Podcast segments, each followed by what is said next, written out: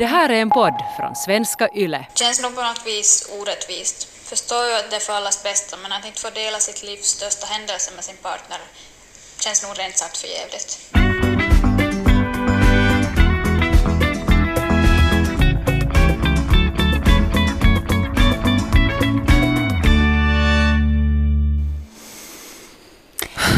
Hej Rebecka! Hej. Det är söndag kväll och eh, vi spelar in podd. Det brukar vi inte göra på söndagskvällarna. Och det här avsnittet kommer att komma ut imorgon. Mm.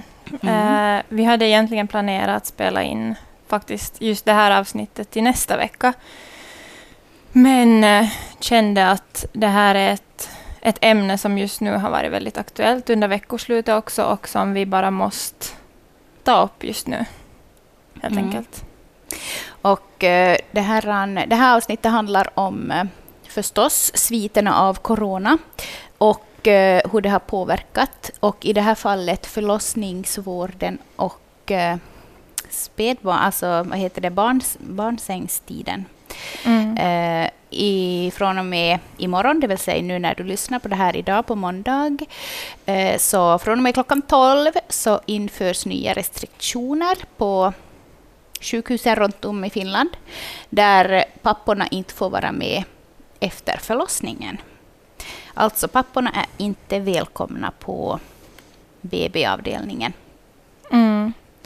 Och, och det, har varit, det känns lite som, för mig som sitter här som så här höggravid just nu, så känns det här veckoslutet som att det har varit någon så här en jäkla känslo smälldusch. Uh, eh, också kanske för att det har varit veckoslut och det har kommit som massa information från olika håll.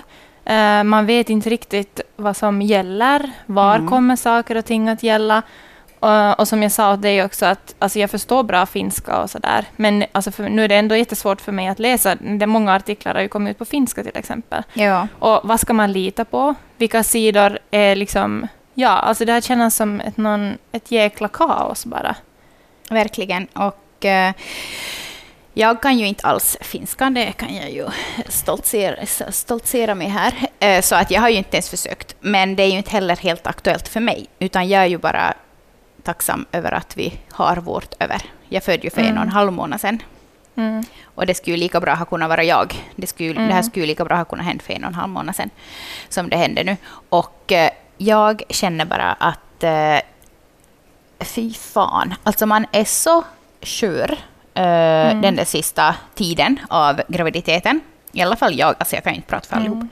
Men liksom man, man är ju det och minsta lilla kan ju göra att man blir som helt eh, nej men som, alltså ledsen och nere och, och liksom bara vill sluta sig.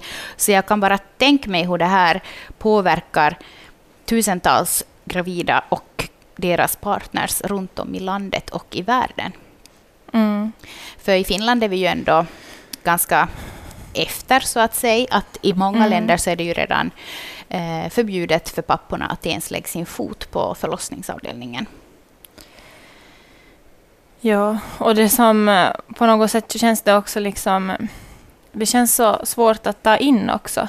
Eller liksom just det här att, att skulle någon ha sagt det här till mig för någon månad sedan så skulle man som inte... Det är som så långt ifrån vad man ens har kunnat föreställa sig att skulle kunna ske. Så sen när man plötsligt står i det så... så det var kanske därför också som vi tänkte att vi skulle göra ett avsnitt kring det här. För att det första som har liksom väckts hos mig och som vi också har som jag har märkt att har väckts hos så många andra, är den här känslan av att man inte på något sätt tillåter sig själv, eller att det känns som att samhället inte tillåter en att få vara ledsen, uppgiven, eh, arg och eh, känna de här känslorna som man känner just nu. Nej, istället låter det som så här att du borde vara tacksam över att vården gör allt de kan för dig och din bebis. Ja, Exakt. självklart, men nu är det ju ändå en enorm förlust att inte få uppleva det där tillsammans med sin partner. Exakt, och just som att, det, att uppleva de här känslorna handlar ingenting om att man inte skulle vara tacksam över den vård vi får eller att man inte skulle förstå situationen eller läget. Utan det är ju som en helt... Alltså jag kan bara tala för mig själv, men liksom det är ju en hel... Hela ens bara känslopanikregister. Och för mig som, så har det just varit min största liksom rädsla kring den här förlossningen som vi har försökt som jobba nu med ända sedan jag blev gravid. Uh, att inte känna mig ensam, att känna som någon trygghetskänsla. Och vi har gjort allt vi liksom kan för att Jim ska kunna vara med, att vi ska som kunna göra det här tillsammans och att han ska ha stöd i det här. Och nu känns det som att en, en sak Efter det andra faller bort. efter det andra faller bort. Mm. Eh, och jag vet att det finns så många där ute som eh, har extrem förlossningsrädsla.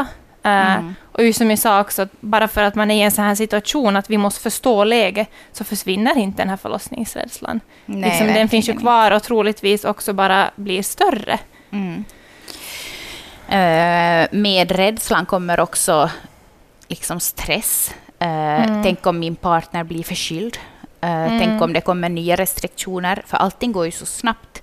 Eh, Mm. liksom, Nyland stängs ner. Eh, det tänker jag liksom att okej, folk anpassar sig till det.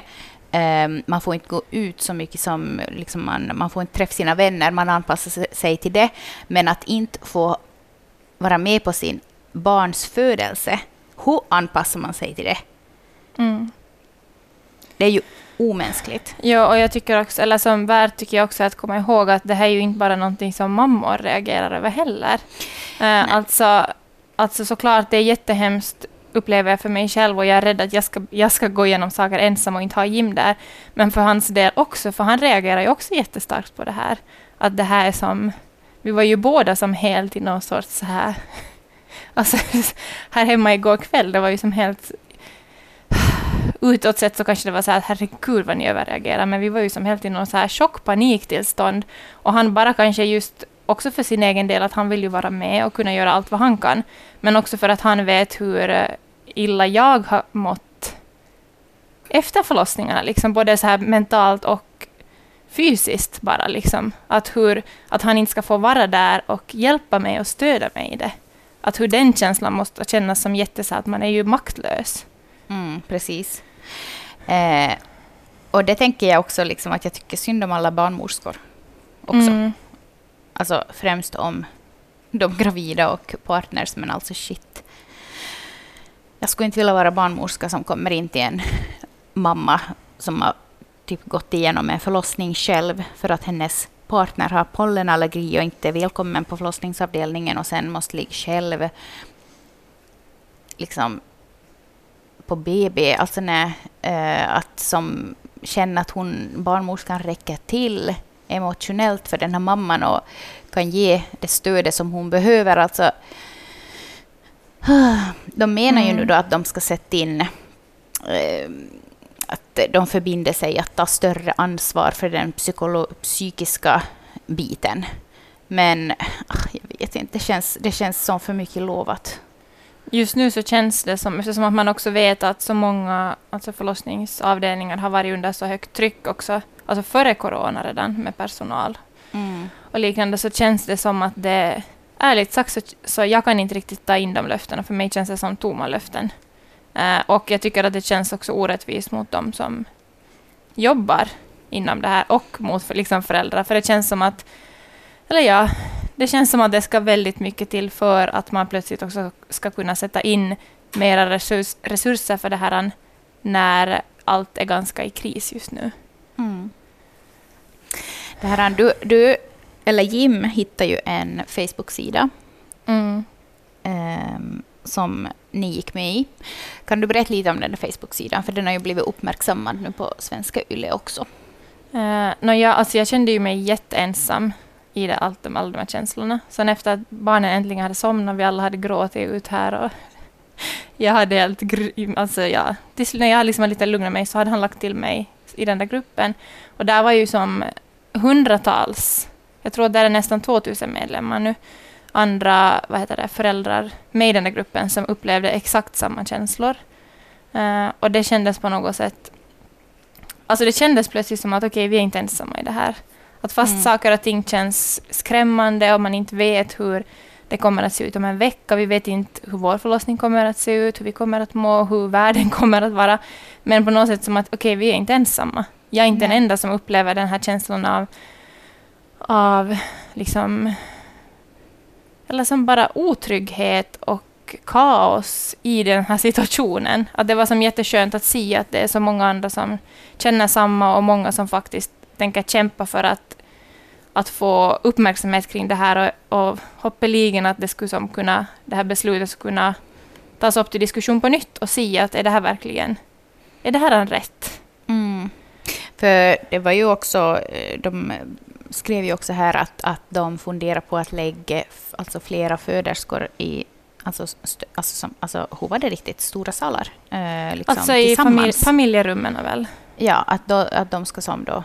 Eh, istället för att ha sin partner där så ska man alltså dela rummet med en annan mamma. Men...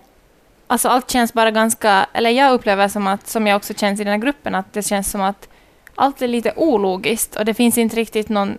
Det känns som att, att det inte är riktigt genomtänkt vad de nu har tagit för beslut. För att när deras främsta... Alltså tanken är ju att det här ska hindra liksom smittspridningen. Jo, men absolut, det, och det, det förstår vi ju. Mm, mm. Uh, men att det känns som att de har ju missat, eller som att vissa saker som, som just att man skulle lägga flera mammor tillsammans i ett rum och sådär. Så det är ju också en risk i sig. Liksom. Mm.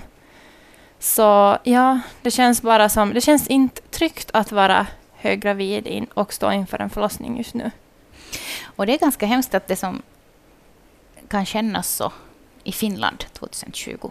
också lite som så här eh, kaos i det att vem ska jag fråga för att få... Vet någon hur mm. det ser ut? Mm. Liksom. Ja, men det är ju det som är liksom... Det är ju det som är så underligt nu just för att det här liksom... Vi har ju ingen som lever nu har ju liksom egentligen varit med om det här förr. Att det är som Nej. kaos på så många liksom, nivåer Nej. i samhället. Det är ju som helt, alltså det är ju som helt upp och ner allting. Så att Fast man förstår varför alla de här restriktionerna görs. Eh, no, vissa saker kanske man förstår mindre, vissa förstår man bättre. Så måste man ändå komma ihåg att kvinnorna och de blivande liksom föräldrarna måste få ha sin rätt att liksom uttrycka sina känslor kring det och vara mm. ledsna över det. Och inte liksom förminska de här känslorna. Nej, det tyckte jag var, bara liksom var så skönt också när vi, när vi pratade om det. Uh, och du bara också skrev till mig att det är för jävligt, jag vet inte vad jag ska säga. Alltså bara, det, bara den saken känns så mycket skönare att få höra än att någon just säger att det blir nog det blir på bästa sätt, eller det blir bra och lita på att allt fixar sig. Nej, för att mm. jag kan inte lita just nu på att allt fixar sig. Så känns Nej. det. Och ingen kan ju det. Nej, ingen kan ju göra det, för ingen vet hur det ser liksom... ut. Ja. Så att ha, känslorna måste få finnas för att man också sen ska kunna... Eller jag känner för mig själv att jag måste få känna som det känns. Och det känns ännu som att, att jag har lite skam över att känna allt det här.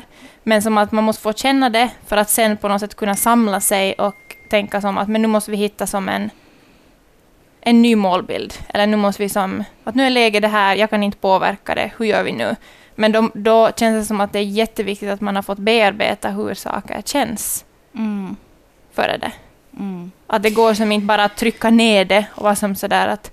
För den, jag fick också den känslan, emellan, eller som att det känns ju lite som att allt i livet typ sätts här på paus. Att nu är vi som bara att allt liksom skjuts fram, och, eller just sätts på paus.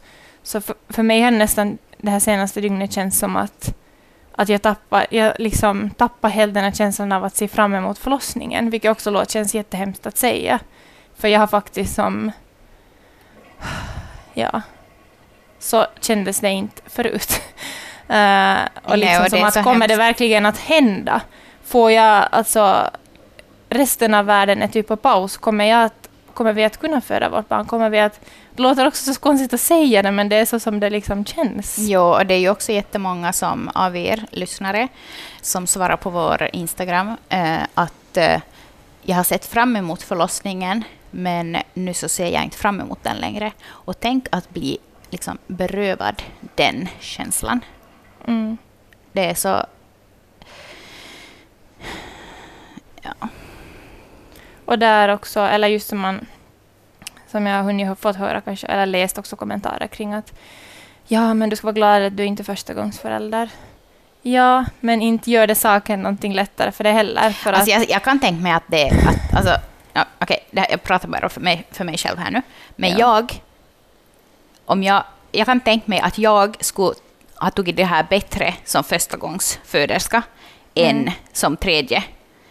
Eftersom att när man får tredje eller andra barnet så vet man ändå lite vad som väntar och vad man behöver, liksom, det där stödet efteråt Mm. eh, och också under förlossningen. Det är som, då inte man har varit med om det förr så kan det ju... Ja, det var i alla fall den känner- inställningen ja. som jag hade när jag gick in för min första förlossning. Så där, att det, det blir som det blir, att jag litar på att allting går bra.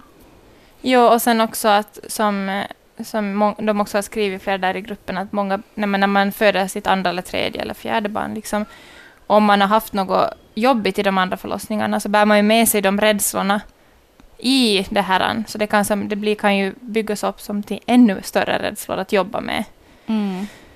Vad hade vi fått in? Vi hade fått in ganska många svar. Många var ju väldigt som så här... Många upplever samma känslor, kan vi konstatera i alla fall. Jag och min man har bestämt oss för att det är bäst att föda hemma med en privat barnmorska och doula. Vi lämnar sjukhuset bakom oss och tar saken i våra egna händer. Det känns 100% tryggare. Och ja, alltså jag förstår henne. Jag fick så kalla kårar. Mm. Eh, eh, alltså, jag förstår också, och jag tror att det är många som, som kanske aldrig ens har tänkt tanken på en hemförlossning som just nu tänker tanken. Eh, jag har själv tänkt tanken, men jag, eftersom vårt barn just nu ligger i säte, så det finns ju som inte i vår värld att vi ska göra det. Eh, och jag tror att jag annars också är lite för rädd med tanke på vad jag har varit, alltså de andra förlossningarna, så vet jag inte om jag skulle våga föda hemma. Men den tanken har liksom ändå kommit upp ofta i mig. Att då skulle vi kunna, om allt skulle se normalt ut och babyn ligger rätt och allt så här, då skulle det kännas tryggare nästan. Och det tycker jag också känns som en på något sätt så här skrämmande tanke, att man kan gå från att man har varit tidigare så skulle jag absolut inte ens ha kunnat ägna tanken liksom åt att våga föda hemma, Nej. medan det nu skulle kännas som att hmm, det... Man överväger. ja, Mm. För det jag tänker med sådana som nu eh, väljer att föda hemma är ju att alltså stressen måste ju reduceras något enormt. När man går från att okej, född på sjukhuset, du får inte ha med din partner om han har lite snurro, han får inte sen vara med på BB. eller om det är Eh, igångsättning. liksom om du har något symptom så har barnmorskorna på sig sån här ut, alltså skyddsutrustning, liksom allt sånt, till att okej, vi föder hemma i vardagsrummet, vi får vara tillsammans, jag har en barnmorska med mig, jag får ha en doula med mig och vi får vara tillsammans från början till slut. Mm, Alltså jag förstår, jag förstår. mm. Men jag skulle inte, jag skulle, alltså, jag skulle inte våga föda hemma. Eh, liksom bara, alltså jag tror att man måste som... Jag, tror- alltså ja, nej, jag vet inte vad jag ska säga. Det är, bara, alltså det är bara sjukt att vi ens pratar om det här. Och samtidigt så känns det som att man har hunnit vänja sig, så det känns inte så sjukt mer ens. Nej, men det är ju det som är det sjukaste. Ja. Så här, Nyland är stängt, gränserna, det står polisen där vid gränserna och det ena med det tredje, man måste beställa hem mat för 9,90. Liksom hemleveransen kostar det. Du är redo att betala 10 euro för att inte behöva vara till butiken. Alltså, nej. Det anpassar man sig till. Men alltså ja, i det stora hela är det ju en tröst att hela världen är i samma Mm. sits. Eller inte vet jag om det är något tröst. Det skulle nog vara bättre om det bara skulle vara Finland och resten Mm. av världen skulle vara normal. Då skulle inte man kanske... Men just den här tanken bara som att, att man behöver känna att man inte är ensam i det. Eh, Så det är ju därför som det känns så viktigt att man ändå lyfter det och går med i grupper och pratar med andra föräldrar, blivande föräldrar eller föräldrar och, och liksom får känna att okej, vi är inte ensamma i det här, andra känner lika, både blivande mammor och pappor känner lika. Eh, Att det är Mm. okej att känna så här. Mm, mm. Vi hade fått in en kommentar av en eh, som skriver så här. Min man har pollenallergi, han nyser, snorar och håller på för jämnan. Han är inte välkommen med på förlossningen på grund av hans symptom. Han har samma varenda år och vi har aldrig tänkt på det här förr. Men nu sätter det stopp för så mycket. Han får inte jobba, han får knappt gå ut. Vi hade sett fram emot att gå in i förlossningen som ett team, jobba tillsammans för att få ut bebisen och sen ligga i två timmar efter förlossningen bara vi tre. För att sen mysa vidare på BB. Nu planerar vi istället hur vi ska få tekniken att fungera under förlossningen. Hur gör vi om någonting strular och inte funkar? Jag kommer ju inte att bara kunna hoppa upp, springa dit och fixa telefonen mitt uppe i verkarna. Och jag, det värsta är ju alla kommentarer som säkert är välmenade, men som så tar så sjukt. Som till exempel, ja, men ni kommer ju att få, kanske få flera barn, då kan han ju vara med. Eller som min svärmor som sa, när jag blev född så fick min pappa vänta utanför rummet och nu blev jag bra för det. Man vill bara slå till folk, men energin till sånt är slut för länge sedan. Ja. Jag vet inte ens vad jag ska säga. Alltså, det är ju värsta tänkbara. Alltså hon där vet ju att hennes man inte kommer att få vara med. Mm. Och de vet att han ligger där hem och snurrar på grund av pollen. Det är ju många nu som skriver att, att de skulle vilja liksom testa sig för corona och sen vara i karantän för att mm. få vara med för förlossningen. Men jag har förstått att det att de, de här smittskyddsläkarna menar att det spelar liksom ingen roll för att de skulle måste ta testet liksom precis före de går in typ i förlossningssalen för att vara 100% mm. säker på att den här personen inte bär på smittan. Ja, alltså ja. Och, det, och den här, vad heter det, just kommentaren som att nu blev jag bra fast inte min pappa var med.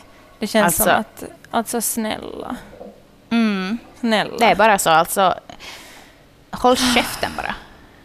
Ja, jag vet inte vad jag ska säga mer heller. Ja. det känns som att det är mycket så här. Åh, det är så jobbigt. När hon, hon skrev också där att, att hon har fått höra att ja, men ni kanske får flera barn. Eh, så det är ju någonting som jag också så här jag har sörjt ganska mycket, kanske också därför jag reagerar så starkt i allt det här att att som det, liksom som det nu ser ut så har vi tänkt att vi vill ha tre barn. Och jag har som sett det här som att den här tredje gången som är att jag har gjort som allt jag kan för att det ska bli annorlunda. Uh, och nu kanske det inte blir, eller det blir ju inte alls. Mm. Uh, och det som en del av sakerna är ju, det går ju inte att på, det har ju ingenting med corona just hur babyn ligger och allt sånt här. Men att först då komma inför det att okej, okay, Babyn ligger i säte. Det blir troligen inte som vi har planerat. Och så andra som saker att hur babyns viktuppskattning, att den är ganska stor redan och fostervatten och dit och datt. Och kommer de att kunna göra vändning och kommer det att lyckas? Vad händer om det blir snitt? Och det känns bara som att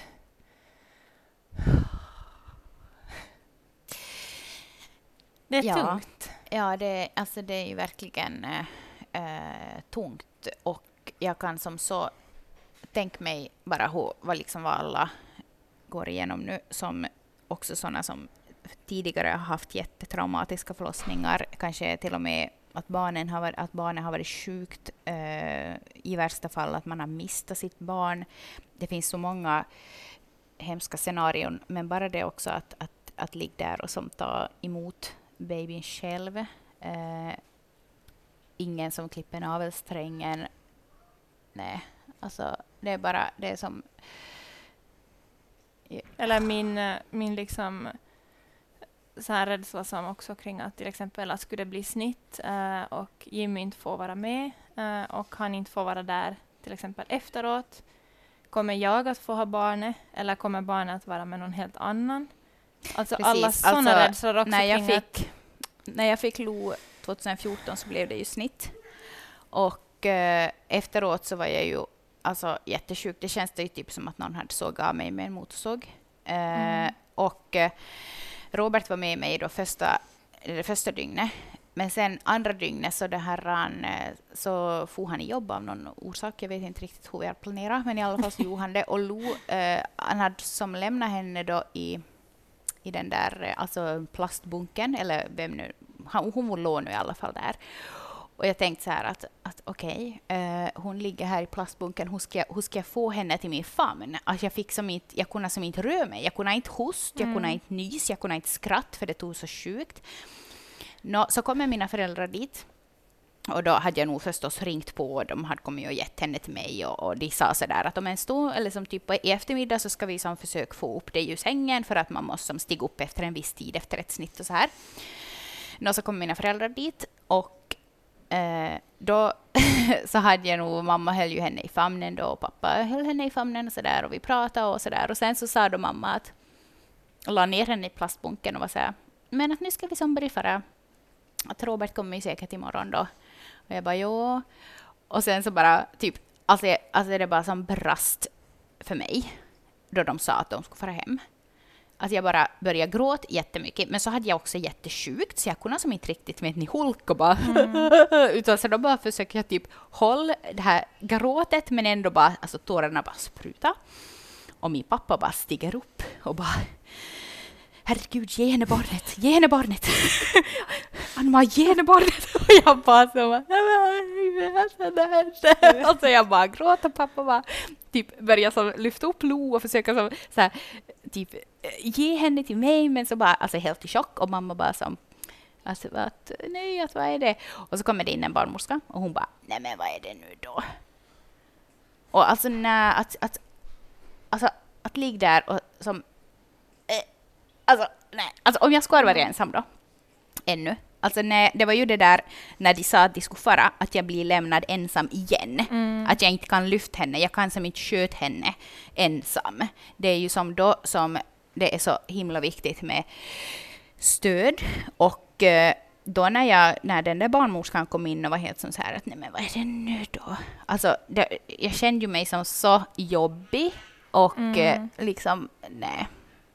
Och det är ju det man är, man är rädd för också när jag, jag läste någonstans också kring det här att man vill ju försöka, liksom eftersom att om inte partnerna kan vara med på BB så då vill man ju också i mån av möjlighet skicka hem mammorna ganska tidigt om det är mm. möjligt. Mm. Och där, där känner man ju också som att, eh, som jag vet att, som jag sa också till att eftersom att det här är inte vårt första barn så vet jag ju att, att, att om allt i papper ser ut att det har gått okej okay, så då känns det som att de räknar med att jag ska nog ge plats åt de andra och fara hem. Mm.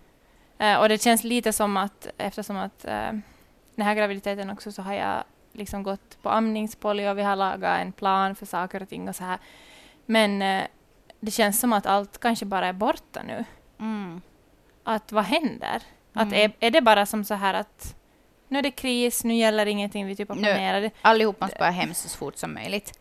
Ja, och, där, och liksom, vad, har jag rätt att, vad har jag rätt att säga och känna i den situationen? Precis, har man inte rätt att kräva någonting? Ja, är, det som helt det? Annan, är det helt andra liksom utgångslägen nu? Att har man som föderska rätt att kräva någonting? Jag tror inte. Det känns inte och då, så. Och då känns det som att ingen har riktigt svar på det här nu heller. Så därför tycker jag det som är så extra viktigt, som också till alla er som är i den här situationen, att prata med folk om. Bara för att liksom, fast, man, fast jag pratar med dig om det här nu, fast inte vi vet hur det blir, mm. så känns det som att man processar ändå hela tiden och blir kanske också lite så här tryggare i sig själv, att jag har ändå rätt att kräva vad som är bäst för mitt, mitt, min, min och min, alltså mitt, mitt och min familjs liksom, välmående. Mm. Sen kan det vara att det inte går att genomföra det, men att man ändå skulle, för jag känner inte just nu att jag har rätt till det, men jag skulle önska att därför känner jag som att när man ändå pratar om det och, och, känner att man inte är ensam så får man ändå med den där tryggheten i att jag har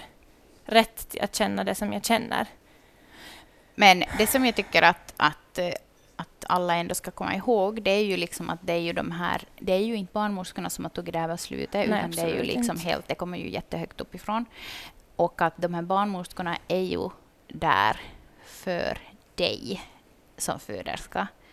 Och de, alltså jag tror verkligen att om du säger åt dem att, att jag är inte redo att fara hem, jag behöver hjälp med amningen, mm. jag känner liksom att anknytningen kommer att, att liksom rubbas på grund av att ni, typ, om, om ni kattar hem mig. Jag tror inte att de, att de gör det då. Jag tror att de är där på individnivå, att de lyssnar ändå på föderskorna för att de vet ändå liksom hur otroligt viktigt de där dygnen efter födseln är. Ja, det var ju alltså det är kanske just därför som det känns bra att man kan prata om det här och påminna sig själv om det. Att man har, för det kanske i den här i kalabaliken av information från olika ställen, vad stämmer, vad är sant, kaos, panik, så tappar man lite det här. Det här är ju ändå faktiskt människor emellan när vi är ja, där. exakt. Precis. Eh, att, att ändå som våga säga att det är inte bort från någon annan. Om det sen inte går, så då går det inte. Men att man har ju som att ändå våga säga det, som jag tänker att skriv ett förlossningsbrev, det ska jag göra ikväll, jag har tänkt flera kvällar. Men som att, att man kan skriva ner det som känns nu, för det kan vara att man inte kan säga det heller sen, men att som ändå ha det typ nedskrivet och våga visa det när man kommer då dit till exempel. Mm. Uh, och uh, jag blir också som, när man, jag blir röd av allt nu, men, men just till exempel på, på Instagram när de här på Centralsjukhuset i Vasa hade satt upp den där bilden, barnmorskorna, mm. Vi är här för er vad som än händer. Jag bara... Ja, alltså man bara typ Att man gråter. måste som ändå ibland tänka, få som pers perspektiv på det och som att fast typ allt nu stormar, så sen när vi är där, så är vi där. Mm. Liksom. Och det liksom. tänker jag liksom också att, att, eh, att eh, den där stunden när eh, det är lite avundsjuk ändå på dig som liksom ska föda, för att när man får ut sin bebis och får upp den på bröstet första gången, då är det ju som att allting liksom stannar. Mm. Det finns ingen värld utanför. Allting är bara liksom här och nu. Man får se liksom sin nyfödda bebis i ögonen och man får äntligen se liksom vem det är man har älskat och längtat efter så länge. Och att allting bara, allt annat bara som försvinner. Att ni, ni, ni som har en födsel framför er, ni kommer ju för en stund att få ta mm. paus från allt det här hemska som händer i världen just nu. Och därför så håller jag verkligen alla mina tummar och tår att alla ni som lyssnar nu kommer att få ha er partner bredvid er när ni upplever den här stunden av att bara försvinna ner i den här otroliga kärleken som uppstår då man ser sitt barn i ögonen för första gången. Mm. Alltså jag hoppas verkligen att alla som lyssnar nu kommer att få ha sin liksom, partner med sig. Och sen om det är så att, eller det är ju så nu då att partnern får åka hem sen till natten. Så det finns ju Facetime, det finns ju allting och sen som alla säger nu, som är en klen tröst, men det är ju några dagar och sen så får ni ju vara tillsammans igen. Jag vet inte, man måste... Ja. Jag vill känna att det är en tröst, men mm. jag kan inte. Jag som, jag, det, alltså det är som... Ja. Det, det, och det, man vet ju att det är sanningen och det är så som det kommer att vara och allt sånt här. Men det är, som så, det är så ologiskt i ens huvud och som så här. Så jag tror att, att just mitt i allt det här som är kaos, som jag märker för mig själv nu, att det, man måste bara försöka för ens egen skull att hitta tillbaka till det här att det är faktiskt att vi ska få träffa vårt barn. För det känns mm. som att mm. jag har lite tappat bort det i det här. Ja, men att precis. Det, som, det kan jag tänka mig. Det blir som en sån stress, ångest. För att just den där förlossningen är som så, det är så mycket fokus på den och det är det ju också som annars. Men mm. speciellt nu liksom att hur ska det gå, vem får vara med, får jag en smärtlindring, får narkosläkaren komma in, eh, allt sånt. Och sen så glömmer man bort det där att, att varför gör vi det här? Egentligen. Mm. Liksom att det är som eh, liksom en liten bit av vår framtid vi väntar på. Och sen, och sen just att man försöker samla sig, som jag tänker att jag måste göra nu den här kommande veckan. Liksom att försöka samla det som faktiskt... Att ta reda på vad gäller för oss och vår familj i den här situationen. Och kanske försöka lite stänga av resten av, av landet. Liksom att, att vad kommer typ, vad, just nu, vad gäller för oss just nu och vad har vi som för, för chans, alltså vad har vi liksom för möjligheter? Och att prata då, eh, försök ringa till, till eller om man liksom, jag menar för, att man försöker som ändå skala ner det. Att jag kan inte nu bära ångesten för alla som ska föda i hela Finland, för det känns ju som så till slut. Mm. Att nu är det som, nu måste vi som skala ihop det här och bli ett team på ett nytt sätt liksom. Exakt. Och ta en dag i taget för att det är ju också det som är så svårt, att saker hinner ändras så snabbt hemma hos oss så är det ju så här spinning babies övningar helt. Jag är ju lite manisk. Så det är ja. så här, tänkte kanske jag ska fokusera på det nu kommande dagar och ligga upp och ner och allt det här så kanske. Oh, och så slappna av. Ja. Det är så jäkla lätt i det här. jag hoppas att ni som lyssnar och just nu befinner er i samma situation och tipsa typ er partner också om att lyssna på det här avsnittet. För att man kanske glömmer bort ibland också om man inte ens har hunnit prata hemma om sånt här. Men att, att äh, papporna eller de an, liksom andra familjemedlemmar reagerar också, kan också känna sig jätteensamma och kanske också känna som att får jag känna nu så här för att det är inte jag som ska föda utan jag ska bara vara en stödperson. Liksom. Att äh, prata med varandra och gå med i grupper på Facebook och liksom... Och verkligen, det nu, nu, jag tror att nu är det viktigare än någonsin att försöka verkligen teama upp. Exakt. Så får vi se vart allt landar och hur, hur Vi det blir. Vi hoppas att det liksom är snart övergående så att ändå alla framtida föderskor inte ska behöva gå igenom det här som ni går igenom just nu. Mm. Du och alla andra som ska föda. Det känns också helt konstigt att tänka som att våra barn kommer att kunna berätta en story om att de föddes under liksom, undantagstillstånd. En pandemi. Alltså, det känns också så konstigt när man är i det så har man inte perspektiv utifrån på det alls. Rebecka om, om 30 år bara Ja, då, då du föddes, vet du, då satt jag och bandade. Jag hade ju den här podcasten då, det här jag berättade om. podd? Du Gud, vad föddes under en pandemi. Det Ja. här, eh, Jag tyckte det var så bra, någonting som jag läste här, att sen då ens barn är, är typ tonåringar så eh, kan man säga åt dem så här att eh, Ja, när jag var i din ålder så då, då var det pandemi och då fick inte vi gå ut på två månader. Du klarar nog av att stanna inne en lördagskväll. Men eh, hoppas ni får en så bra vecka som det bara går och ja, och ni som är i den här situationen kan på något sätt hitta en trygghet i tillsammans med er partner eller det team som finns runt omkring er. Vi måste bara försöka som göra det bästa av situationen. Det är som det enda vi kan göra just nu. Mm. Vi hörs igen nästa vecka. Då ska vi prata om någonting så opersonligt som eh, lekar. Från corona till lekar. Yes. Hej då! Puss och kram.